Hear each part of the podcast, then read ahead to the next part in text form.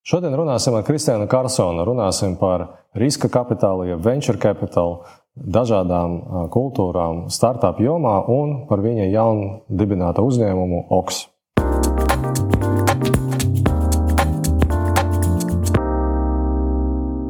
Kristian, paldies, ka esi atnācis. Paldies, Tad, būs, būs iespēja saka, parunāt par daudzām dažādām lietām. Varbūt sākam ar to pastāstīt par sevi. Mm -hmm. Jo tev ir tāds interesants CV jau šodien, ir, vai ne? Jā, um, nu, īsumā par mani es uh, absolvēju uh, Stokholmas ekonomikas augstskolu Rīgā, um, Zviedri, kā to sauc, sauc tautā. Un uh, es kādu laiku strādāju finansēs, kā private asset managementā, sapratu, ka es gribu darīt kaut ko mazliet citu dzīvē. Un es uh, nonācu Amerikā, Silīcijas ielā, kur es kādu laiku strādāju tieši riska kapitālā, venture capital. Um, ir tāds, um, uzņēmums vai uh, korporācija Plug and Play Tech Center, Um, tas ir, ir gan akcelerators, gan investīcija fonds ar 20 plus lokācijām pasaulē. Un, uh, jā, tieši tie nonāca tur veiksmīgā kārtā. Uh, strādāju tieši venture komandā, kas meklē investīcijas iespējas startupos. Un, um, jā, es tieši meklēju, meklēju startups, kuros investēt mobility, fintech, IoT jomās.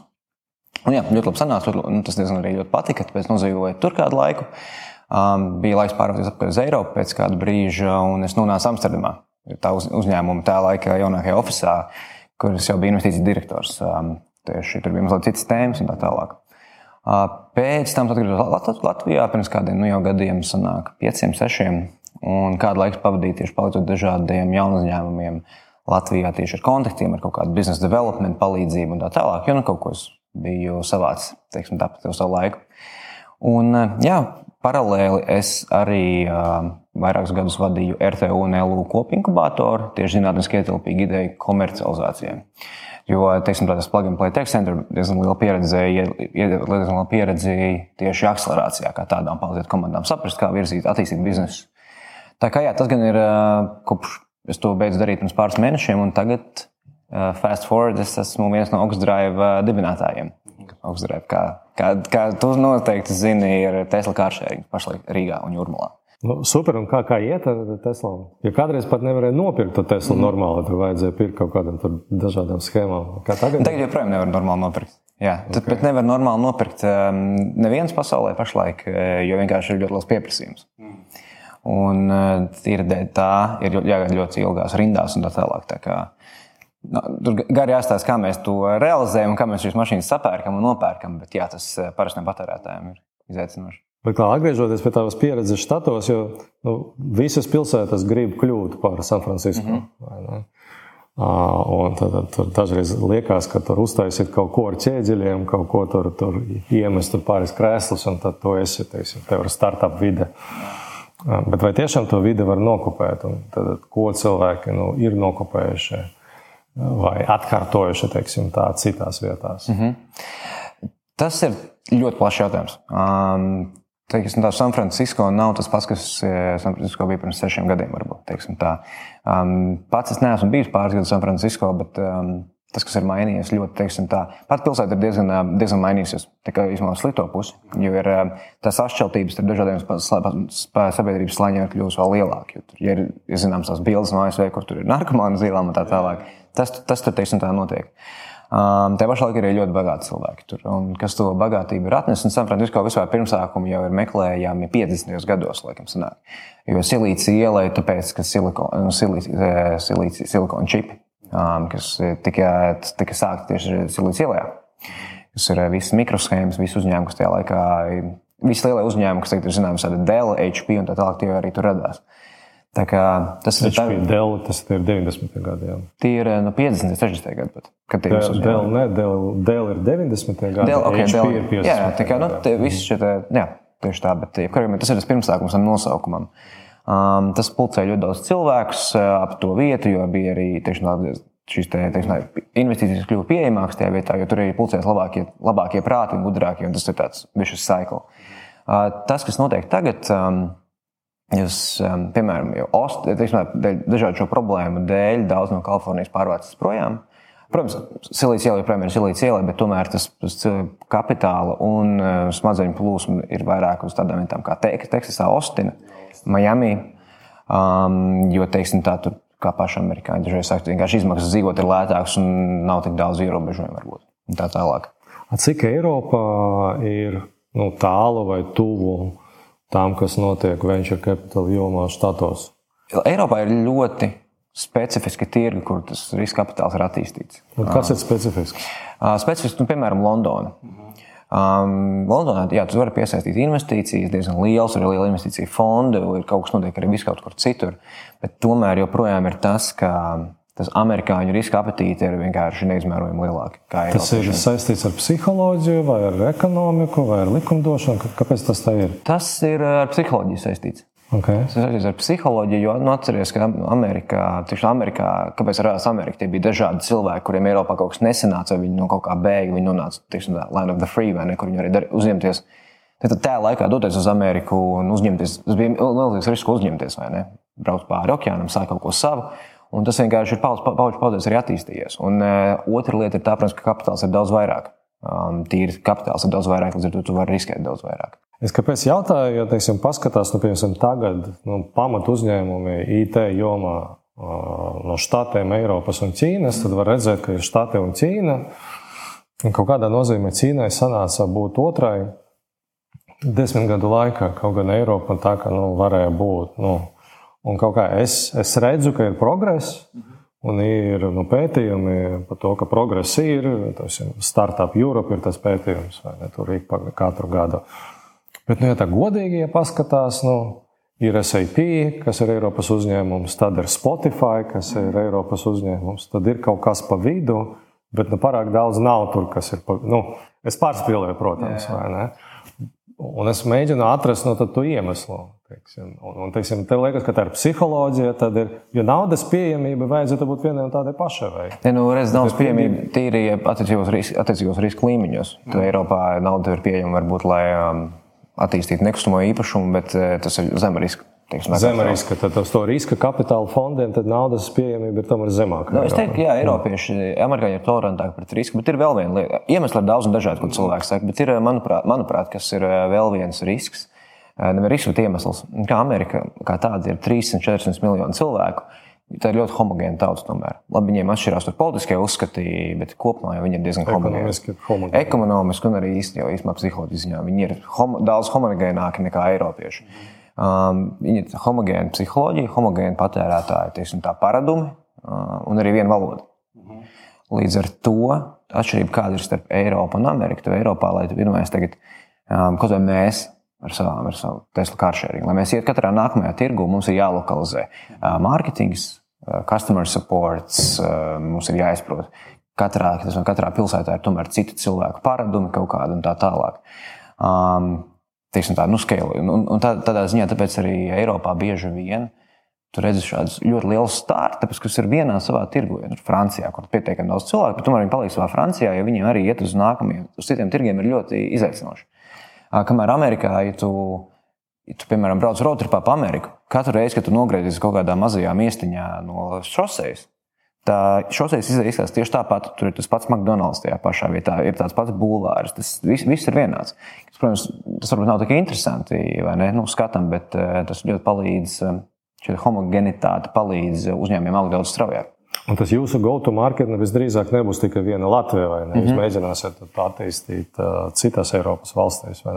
Tad kā jūs, kā jūs plānojat vai taisaties risināt šo, šo dažādības jautājumu? Nu, to tu vari risināt tikai līdz zināmam mēram vai līdz zināmam līmenim. Skaidrs, ka šis ir izaicinājums, kas, par ko mums ir jācīnās. Nu, tas, tā, nav, tās nav neatrisināmas problēmas. Tas vienkārši skaidrs, ka tas uzreiz ir, tas ir lielākas izmaksas un pa, pa, tad ir nepieciešams vairāk laika, lai pielāgotos katram tirgumam. Un tad katrā tirgu jums būtu nu, kaut kādas savas komandas, kuras zinātu, jo, tiesim, ja es atceros pareizi, piemēram, Uberam vajadzēja nu, ļoti lokalizētas komandas, kuras zināja Londonu, kuras zināja Parīzi un kuras mācīja draudzīgi sarunāties tieši tajā vietā. Un tikai tad viņi varētu attīstīt. Un tad tas arī teiksim, viņi varēja attīstīt Uber kā pakalpojumu nu, kaut kādās konkrētās pilsētās, un tas neizplatījies pat uz šīs valsts citām pilsētām. Yeah. Vai ne? Jo Uber var būt Londonā, bet viņš var, ne, var nebūt kaut kur no nu, tur blakus pilsētās. Nu, Uber Eiropā ir otra lieta, vēl, ka diezgan liels problēmas viņiem bija ar taksu, taksu lobby. Jā. Mm. Kas arī Eiropā arī ir raksturīgāk, mums ir daudz vairāk visādi noteikumi. Teiksim, tā ir publiskais sektors, daudz vairāk var izteikt savus noteikumus. Tas, kas notiek Amerikā, piemēram, tas pats San Francisco. Kur, nu, Amerikā vispār raksturīgi, tomēr demokrātu, pilsē, demokrātu vadītās pilsētās tie noteikumi ir daudz striktāki, publiskais sektors vairāk iejaucas tajās visās norisēs. Tagad štatos taksometru vadītāji ir atzīti par darbiniekiem. Man liekas, pāris nedēļas atpakaļ bija spriedums. Varbūt tas, tas, tas iet tajā pusē. Uh, okay. Un tad jūs, tas jūsu sākuma tirgus būs Latvijā, Rīgā? Nu jā, mēs esam sākuši Rīgā savā mājās. Um, doma tāda, ka šis ir mūsu tirgus, mēs nepazīstam neko labāk kā Rīgu. Um, un brīnumainā kārtā Rīga ir ļoti pateicīgs tirgus priekš kāršēriem. Mums ir seši uzņēmumi, no kuriem es zinu, ka vismaz pieci strādā, spēj kā, uh, strādāt veiksmīgi un uh, pelnoši. Tā kā, uh, Tas ir labi, nu, labi un slikti. Pilsēta ir pietiekami liela, lai izmēģinātu dažādu, teiksim, teiksim, kaut kādu skēlu. Jo ir zināms, ka City bija ir simtiem mašīnu, Boldrēs ir simtiem mašīnu. Izskatās, ka tirgu joprojām pietiek vietas. Kā, mēs to redzam, Rīga ir lieliska, lai mēs varētu izmēģināt visus jauninājumus, kaut vai jaunus features aplikācijā vai teiksim, tā mašīnu skaitu, vis, nu, visdažādākās lietas. Un tad jau, kad tas ir izmēģināts mūsu māju tirgu, kur mēs zinām, ka mēs varam pieļaut vairāk kļūdas, ja mēs zinām, māju tirgu, kā labāk viņas arī visātrāk teikt, izlabot. Ja mēs varam to visu pārnest no know-how uz nākamo tirgu, un nu, skaidrs, ka jāpielāgo ir lokālam tirgumam. Nu, es esmu nu, nejauši ideāls klients. Jā. Es esmu atteicies no mašīnas, kad es jau piecus gadus dzīvoju centrā. Bet kas ir interesanti, es nevienu reizi neesmu izmēģinājis ne CTB, nu, neko. Vai, jo man pagaidām pietiek ar taksometru un ar skūteriem un tam līdzīgi. Uh, bet, protams, ka tas ir nu, kaut kas next step. Ne? Uh, tad, Kā tu pārliecini no tādus topošus klientus, kāpēc, kāpēc ir jāizmēģina mašīnas tāda izlaicīga īre no vienas puses, un kāpēc tieši Tesla? Nu jā, pirmais solis ir vispār, kāpēc kāršērings. Un tas kāršērings tīri tavā individuālajā līmenī. Ja tu brauc mazāk kā 800 vai 1000, 800 000 km mēnesī, tad visdrīzākais ir kāršērings. Um, kāpēc? Tāpēc, ka tev nav jārūpējas ne par apdrošināšanu, ne jāmaksā par parkingu, ne jādomā par riepu maiņām, remontiem, līzingu un tā tālāk. Un kāpēc tas viss soda nauda? Un nu, soda nauda ir jādomā, jā, ātrums tur nevar. Ātrum, pēc pārsniedz ātrumu nu, jā, noķert, tad tev pašam jāmaksā. Jā. likuma robežās visas izmaksas, tev, tas viss ir vienā cenā, tu mašīnā atstājies aizmirst par viņu. Un, kāpēc, tas, un kāpēc tas tā matemātika strādā? Tīri tāpēc, ka, ja tu principā privāti automobīļi tiek lietoti 5% no laika. Tad tur 99% stāv, kamēr kāršēringā tā utilizācija var būt līdz 50%. Um, līdz ar to tāpēc, tāpēc tās biznesa modelis un tāpēc tā, tā visas finanšu matemātika strādā, jo tā, tā mašīna vienkārši nestāv. Viņa brauc, brauc un citi cilvēki var braukt. Tas, um, tā ir arī nākamā lieta, ir vienkārši efektīvāka resursu izmantošana. Bet jā, pirmais notiek tas, ka tas ir lētāk priekš tevis. Um, otrais ir tas, ka tev nav jāuztraucās par dažādiem, tīri par to, ka tev būs remont, jāremontē viņu, jāaptērē tādām lietām laiks. Um, Tajā pašā laikā ir cilvēki, kuriem saka, jā, man patīk, ka man ir mana mašīna. Un tas ir kā, varbūt privilēģija, ka man ir mana mašīna. Ok, bet ir arī tajā pašā laikā ir cilvēki, kuriem uzskata, ka tas, ka tev ir mašīna, tā nav privilēģija, tas vienkārši ir sloks. Tas arī ir liels paudžu, paudžu jautājums. Arī. Es sastopos ar stereotipu. Ne stereotips, eh, tas vienkārši tas, ko mēs redzam. Jā, es sastopos ar to stereotipu, ka, ja tu esi nu, tāds normāls vīrietis, džeks, nu, tad tev ir jābūt no kaut kādai normālai mašīnai, jeb tačkai. Jā. Un vēlams, nu, ka tā atspoguļo nu, tavu varenību. Ja. Nu, tas bija baisais stereotips, ar ko es saskāros, tad, kad es atteicos no mašīnas. Mm -hmm. Uh, nu, kā jūs redzat, cilvēki, cik svarīga cilvēkam ir mašīna tīri no tāda psiholoģiska viedokļa, ka tās parāda to sociālo statusu vai kaut kas līdzīgs. Mm -hmm. nu, priekš tiem cilvēkiem, kas, kuriem ir vajadzīgs sociālais status, tāpēc mums uz mašīnām nav uzlīmes. Mēs esam principā, viens, principā vienīgais uzņēmums, kas nodarbojas ar kārtu pasaulē. Tā ir, tava mašīna. Dažiem patīk pazīmēties, citiem patīk vienkārši, ka viņiem ir tā sevi, ka tā ir viņa mašīna. Um, bet, kā, es teiktu, es neesmu kaut kāds maksimālists, kurš saka, ka nevienam vairs nevajag mašīnas, mašīnas un ka visi tagad brauksim ar skūteriem un sabiedrisko autobusu. Tā arī es nedomāju. Um, ir, ir brīži, kad tev vajag savu mašīnu, un tu nevari, ja tu braukā ārpus pilsētas daudz, un katru dienu tev vajag, visticamāk, tev vajag savu mašīnu. Uh, bet ir specifiski, ir ļoti daudz gadījumu, kur, um, teiksim tā, ja tev ir parasta vidusmēra mašīna, Nu, īstenībā, ja tas nav tā kā tik krūti vai ne. Nu, Teiksim, tā, līdz ar to jautājums. Man jau tagad, tagad jau man jā. pašam ir viena alga, vai ne? Es, es atceros, kā cilvēki uz to rēģēja.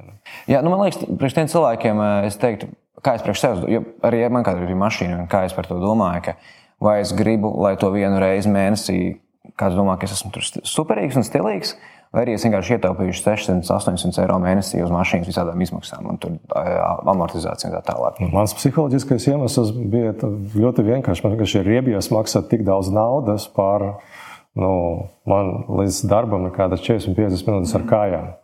Un, un, nu, man vienkārši negribējās, un es atteicos. Bet, nu, protams, viena mašīna ģimene vajag, un bez tā nu, ir grūti. Vai, Atkarīgs no tā, cik veci ir bērni. Mums ir, mums ir gadījumi, kur klientiem ir divas mašīnas, un viņi pārdod vienu Un uh, otrs cilvēks, ja kā, nu, tā, padomā, ka tomēr nav katram ar savu mašīnu jābrauc un aizbraukt līdz tuvākajai kāršēringa auto, vienkārši tad, kad viņš brauc savā, savā virzienā. Un kā jūs redzat, jo it kā uh, elektromašīnas ienāk, mm -hmm. nu, it kā tas viss notiek, no otras puses nu, kaut kā lēnām notiek. No trešas puses, ir, ka visi soli, ka tur bez mazos 30 gadu, tad nu, viens tur nu, neražos neko izņemot elektromašīnas.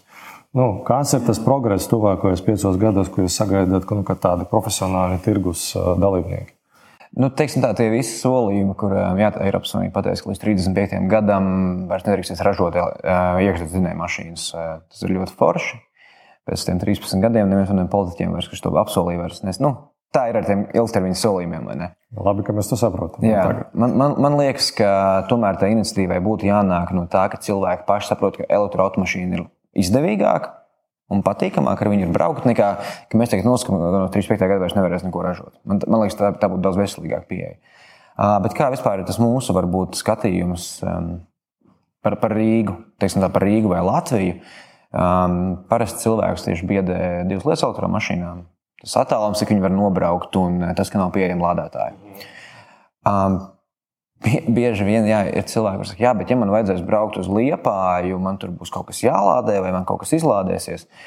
Bet tad jautājums arī, cik bieži cilvēks brauc uz to liepāju. Viņš tiešām to reizi gadā, reizi vasarā aizbrauks uz liepāju, vai divas reizes eh, nu, pēc tam ir lādētāji. Um, un tad, tad nākamais arguments ir, jā, bet tur ir jāgaida. Um, teiksim tā, jā un nē. Tagad jau pat ātrākie lādētāji lādē 20, 30 minūtēs, eh, varbūt pat bišķiņā ātrāk. Un, um, un es teiktu, ja man ir jādomā, vai pagaidīt 20 minūtes, bet ietaupīt eh, kaut kādas 10, 15 eiro uz katru man, uz katriem 100 km. Es labāk izvēlos 20 minūtes pagaidīt, un tas ir kaut kāds milzīgs ietaupījums. Uh, Bet jā, kopumā par pašu uzlādes tīklu. Um, nu, šodien pats lasīju, vēl, ka sadalījuma tīkli ierakstījuši, ka līdz 26. gadam Latvijā būs 5000 uzlādes punkti. Tas ir daudz, vai tas ir maz? Nu, teiksim, tāds uzlādes punkts, um, tas, ko saprotu ar uzlādes punktiem, ir uh, cik rozets vai stepseļi ir uh, katrā uzlādes stacijā. Tas īstenībā nu, ir 5 katrā vai 4, tas ir nu, 1000 uzlādes punktu. Atkal tas solījums ir līdz 26. gadam, kā ir kaut kāda Eiropas fonda piesaistīta, uh, bet īstenībā jau nav iemesla to nedarīt daudz ātrāk. Es teiktu, ļoti forši, ka viņi to plāno, bet tas nav tik tehnoloģiski sarežģīti vai grūti. Tas, tas, tas lielākais, tas, nu, lielākā problēma ar elektroslādes stacijām ir tīri dokumentu sakārtošana, pašu elektrostaciju uzbūvēšana. Bet īstenībā jau, nu, jā, principā ir tā, ka tev varbūt paiet līdz pat gadam, lai saskaņotu vienu elektroslādes staciju. Ja Tad, mēs tā... visi pārējām uz no elektromašīnām, mūsu tīkls vispār izturēs. Es domāju, ja visi cilvēki pārietu Latvijā uz elektroslādes mašīnām, neizturētu. Tad pēc būtības tas nozīmē, ka mums vajadzētu pārbūvēt savu elektropiegādes tīklu, ielikot, ierakot nu, citu kabeļu sistēmu. Jā, tas, tas ir ļoti tehnisks jautājums. Varbūt nevajag man citēt par šo, bet um, jā un nē, jo atkarīgs no vai cilvēks lādē pilsētā vai arī visi, piemēram, teiksim, tā, vai vislādē mājās, vai tu esi pieslēgts tīklam, vai tu neesi pieslēgts tīklam. Jo teorētiski, ja viss pierīgā saliek saules paneļus uz jumta un lādē mašīnas, tad, kad no saules enerģijas, tad jau tam, tam nevajadzētu būt problēmai. Bet eh, nu, teiksim, tā, mēs redzējām, kas nesen notika ar saules paneļiem Latvijā, ka divas ministrijas sāka sniegt atbalstu. Un izrādījās, ka pat eh, šo apjomu nevar teiksim, tā, visas apakšstācijas uzņemt. Nu, ja tu zini, bija tā situācija. Tā kā tāda līdzīga situācija jau būtu. Visticamāk, ja nekas netiks mainīts un attīstīts, tad tāda situācija, manuprāt, eh, mans viedoklis ir, ka tā atgadīsies arī ar elektroautorātu uzlādi. Tā ir arī um, Amerikā. Tā ir diezgan liela problēma. Jo, tur, nu, arī, arī Amerikā viņi ir to saskārušies. Jo Amerikā, piemēram, Tesla ir šausmīgi populārs un bieži vien uh, vienkārši pietrūkst enerģijas, nu, pietrūkst jaudas, ar ko visu lādēt. Kāds ir risinājums? Pieņemsim, mūsu nu, rajonos, tādā nozīmē, ka Rīgas rajonos. Jo visticamāk, visefektīvākais ir, ja mašīnas lādēs pa nakti. Lēnām. Lēnām. lēnām. Jo tas ir visticamāk lētāk, lēnām. Bet tas nozīmē, ka vajadzētu visos nu, pie mājām uzbūvēt tas uzlādes štepseļus. Mm -hmm. Apmēram, tas, ir, tas ir kaut kas tāds, kas tiek plānots, tas var notikt, vai tas būs pa daudz? Cik es zinu, plānots ir viss kaut kas. Latvijas energo ar teiksim, tā lēnām iet uz priekšu, būvē vairāk stācijas ik pa laikam. Teiksim, tā, man, manuprāt, tā lieta pašlaik ir tas izvietojums no stācijām ir tāds, ka viņas tiek būvētas tur, kur viņas var uzbūvēt, bet ne, ne gluži tur, kur tas ir ērti cilvēkiem. Jo Tā vismaz izskatās, ka, piemēram, Pulksteņa brīvā ielā Latvijas energo office tur ir vairākas uzlādes stācijas. Super, jā, tur ir perfekti. Pareizi pie mājām, jā. jā. Tieši pie, daudziem pie mājām un 5 minūšu gājienā no vispār. Tur tikai trīs paliekas. Tagad tur ir jau divi ātrie, kas nu, tur, tur ir vairāk. Teiksim, tagad jau un pie Rīmī arī ir uzlāde. Jā, jā pie Rīmī arī ir uzlāde. Tu, tas Rīmī tas ir cits mazliet pielietojums, vai ne? Tas ir tās gadījums, kad tu aizbrauc uz veikalu, kamēr tu uz veikalu palādē mašīnu. Kas galīgi nav slikta ideja um, pietaupa laiku. Vienkārši tā kā tā. Jā, un cilvēks saka, man jāgaida 20 minūtes lādējot uz, nu, pie šoseis, bet tajā pašā laikā iebrauc Rīgā, iebrauc Rīgā, jā, iepērkoties uz lādē mašīnu. Bet eh, tā lieta galvenā ir tāda, ka pašlaik skatoties uz tiem visiem punktiem, jo mēs viņus arī aktīvi izmantojam un domājam, kur mums likt lādēties tās mūsu mašīnas. Jā, tās stācijas ir uzbūvētas tur, kur bija ērti uzbūvēt, nevis tur, kur, bija, tur, kur būtu ērti lietot cilvēkiem. Jo, teiksim, tā, tas jau ir Tā, tur, kur ir ērti cilvēkiem, tur ir benzīna tanks. Nu, līdz ar to vai pie mājām. Vai, vai arī, vai piemēram, mājām, tev ir jā. Viens liels purcījumā, viens liels dzīvojama māja bloks, un tu, tu paveidi ielaist tās stācijas. Jo, manuprāt, ir jābūt uzlādes stacijai, uzlādes punktam ir jābūt, ir jābūt 6 minūšu gājienā no jebkuras dzīvojamās vietas eh, Rīgā, piemēram. Kāds ir biznesa modelis benzīna tankiem? Nu, benzīna tanki jau pelna lielāko daļu uz retail, uz visu, ko viņi pārdod iekšā veiklā, nevis uz degvielu. Un tad, kā... ko viņi darīs, tad, kad vairs ne, tad viņi pēc būtības benzīna tankiem tagad vajadzētu sākt aizvietot nu, to dīzeli un benzīnu sākumā ar kaut kādu vienu ātru uzlādes punktu un pēc tam pamazām, pamazām aizvietot. Jā, aizvietot. Tas notiek Latvijā, tur kaut kādi plāni ir? Plāni ir. Es nezinu, cik es, es zinu, mēs zinām par daudz plāniem, es nezinu, cik es daudz varu stāstīt, bet plāni ir. Uh, problēma daļai ir ar elektrisko jaudu, ka ne visur viņa ir pieejama dēļ mūsu elektrotīkla. Lieta, protams, tās ir lielas kapitāla investīcijas. Tas eh, viena uzlādes stacija nemaksā, no ātrā uzlādes stacija. Tīpaši. Bet cilvēki jau nebrauks uz to benzīna tanku, ja tur nevajag, ja cilvēkam nevajadzēs uzlādēties, un tas var notikt tik, nu, tas var notikt nākamo desmit gadu laikā. Tad nu, kaut kādā nozīmē, tad, ja tagad nesāk to darīt, tad pēc tam būs pa vēlu vai kā. Nē, te, te ir vairāk tas vēlu, nebūs gluži pa vēlu, relatīvi kam pa vēlu. Um, kad es braucu ar automašīnu ārpus Rīgas, kaut kur kaut kādās lielās distancēs, es, es braucu. Pirmais man ir jautājums, es jau, es jau zinu, kurās, jā, jā. kuros benzīna tankos ir ātrās uzlādes, un tikai uz tiem arī es braucu. Ja tu pastāvēsi, kas mainīsies, kā, kā saka, un uh, vienkārši benzīna tanki, degvielas uzpildes acīs, nesāks ieviest masveidā uz, uzlādes acīs, pie viņiem vienkārši elektroautorāta īpašnieki nebrauks. Ne jau tāpēc, ka viņiem tur gribas ieriet, bet ja viņiem vajadzēs uzlādēt mašīnu, viņiem, jā, viņi brauks tur, kur to var izdarīt. Un tad līdz ar to jāgaidīsim, kad viņi sāks instalēt. Tā kā benzīna, benzīna tanki jau nekad nav bijuši viņu biznesa, tas eh, varbūt tāda galvenā da, nu, daļa nebija peļņa, nu, kaut kāda dažu centu peļņa no degvielas. Tas vienmēr bijis tas retail space, kur viņi pārdod ēdienu un dzērienus un tā tālāk. Jā, es un, zinu, es zinu, jā, jā, kā... es to modeli saprotu. Jūs tagad strādājat ar Teslu, tas ir nu, apzināts lēmums tikai Tesla vai jūs vairāk fokusējaties uz elektronisku?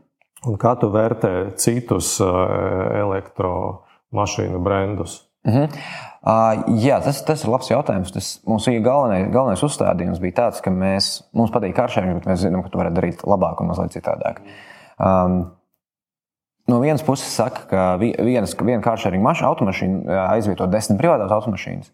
Um, tā, tas, teiksim, tā pētījumi vairāk ir bijuši par esošo situāciju Eiropā. Uh, Patiesībā nepatiesība, bet, nu, teiksim, tā, nu, manuprāt, ja tu, aiz, ja tu noņem no ielas desmit privātās automašīnas un uzliec vietā citu dīzeļu, piemēram, kāršēringā. Tas jau nerisina to fundamentālo problēmu, ko mēs gribam, lai mums ir tīrāks gaiss pilsētās un klusāka vidē. Nu, būs desmit reizes mazāk. Jā, nu, būs desmit reizes mazāk, bet varbūt tās mašīnas tad, nu, teiksim, tāpat pa ielām braukās šīs dīzeļmašīnas un benzīnieki. Tāpēc mēs domājam, ka mūsuprāt, elektroautorāta ir tas eh, pareizais lēmums, jo elektroautorāta ir tīrāks gaisa, klusāka vide, um, kā arī tas vienkārši ir lētāk, jo elektroautorāta eksploatācija ir lētāka.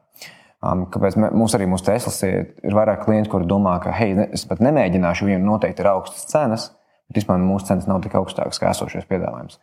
Un, eh, tas ir tāpēc, ka elektroautorāta tiešām eksploatācija ir lētāka. Um, Teslas mēs izvēlējāmies šajā brīdī, tāpēc, ka tiksim, tā, nu, būsim reāli cilvēkiem daudz vairāk interesē Teslas, nevis, piemēram, um, kas, uh, citi, ne, nu, kur cita elektromašīna pašlaik ir pieejama tirgu um, par to attiecīgo cenu kategoriju.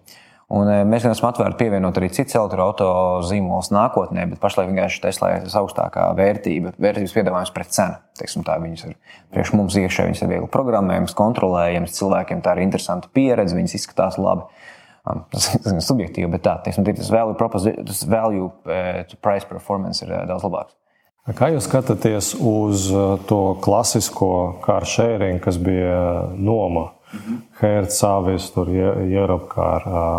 Mēs visi saskaramies braucot atvaļinājumā. Tad, tad, maksājot par tām mašīnām. Cik lielā mērā teiksim, tā revolūcija ar car sharingu, kas pēc būtības ir tas pats, bet, protams, ka interfeisa pieeja, automatizācija pavisam cita. Jā.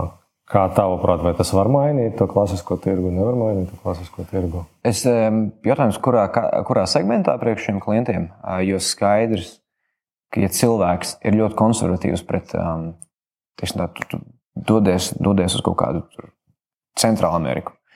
Pats es tieši pats, pašam bija personīga situācija. Pirms pāris mēnešiem es biju Kostarikā.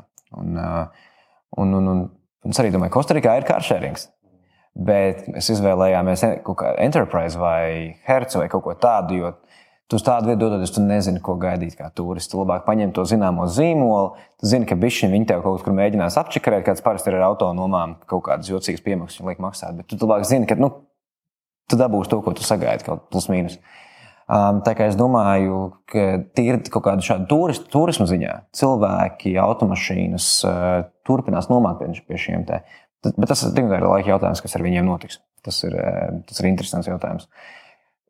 Vai cilvēki par parastiem automašīnām, vietējie cilvēki, lai vietējā tirgu nomātu automašīnu no kaut kāda šāda klasiskā autonomātāja, es personīgi neredzu iemeslu viņiem to darīt, ja ir pieejams kāršērings. Tas tev, tev ir aplikācija, tu atver tur aplikāciju, noskanē tiesības, ierakst dažus savus datus, visi iekāp mašīnā un brauc. Brauc pa minūtēm, brauc stundu, brauc dienu. Uh, Um, tev nav, jā, tev nav nu, kaut kāda nokavējuma maksas, kad tu par vēlu to mašīnu nodod. Tev nav dokumentu, kaut kāda papildus apdrošināšanas. Kaut kur jāatgriežas specifiskā punktā. Tā kā es neredzu iemeslu. Um, Nu, tas ir praktiski. Jā, ja neskatās kaut kādas bailes kaut kādiem turistiem, kā aizbrauc kaut kādu vietu, kur tu īsti nezini, ko sagaidīt. Praktiski no parastās autonomas tam nav vietas tirgu, ir pieejams kā, nu, šis free floating kā, kāršērings. Mm. Paldies tev par sarunu! Jā.